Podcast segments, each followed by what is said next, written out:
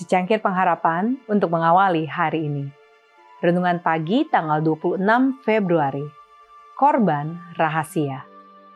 Wahyu 15 ayat 4 berfirman, Siapakah yang tidak takut ya Tuhan, dan yang tidak memuliakan namamu, sebab engkau saja yang kudus.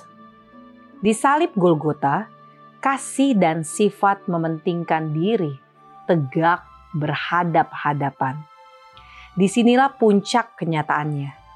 Kristus telah hidup hanya untuk menghibur dan memberkati. Dan dalam membunuh dia, setan menyatakan kedurjanaan kebencian hatinya kepada Allah. Ditunjukkannya dengan nyata bahwa maksud pemberontakannya yang sesungguhnya ialah hendak menurunkan Allah dari taktanya dan untuk membinasakan dia yang olehnya kasih Allah ditunjukkan. Oleh kehidupan dan kematian Kristus, pikiran manusia pun turut kelihatan. Dari palungan hingga kayu salib, kehidupan Yesus merupakan suatu panggilan kepada penyerahan diri dan kepada persekutuan dalam penderitaan. Itu menyingkapkan tabir segala maksud manusia Yesus datang dengan kebenaran surga, dan semua orang yang mencamkan suara Roh Kudus tertarik kepadanya. Orang-orang yang berbakti kepada diri sendiri adalah rakyat kerajaan setan.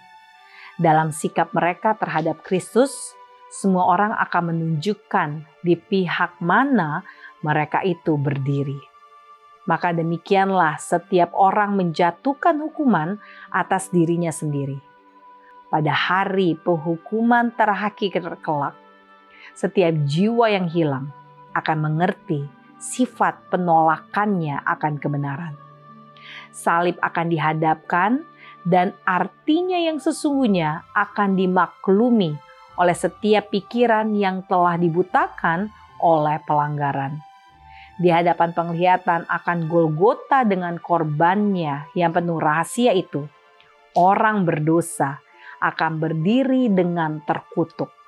Setiap kebohongan akan disapu bersih. Kemurtatan manusia akan tampak dalam keadaannya yang keji. Manusia akan melihat apa yang telah menjadi pilihan mereka. Tiap pertanyaan tentang kebenaran dan kesalahan dalam pertikaian yang sudah sejak lama berlangsung itu akan dijelaskan kelak. Dalam pengadilan semesta alam kelak, Allah bersih dari kesalahan atas adanya atau lanjutnya kejahatan. Akan ditunjukkan kelak bahwa segala tita ilahi bukanlah alat-alat yang menimbulkan dosa. Tidak ada cacat dalam pemerintahan Allah tiada sebab untuk pendurhakaan. Manakala segala isi hati kelak dinyatakan, baik yang setiawan maupun pemberontak akan bersatu mengatakan, adil dan benarlah segala jalanmu, ya Raja segala bangsa. Siapakah yang tidak takut ya Tuhan, dan yang tidak memuliakan namamu?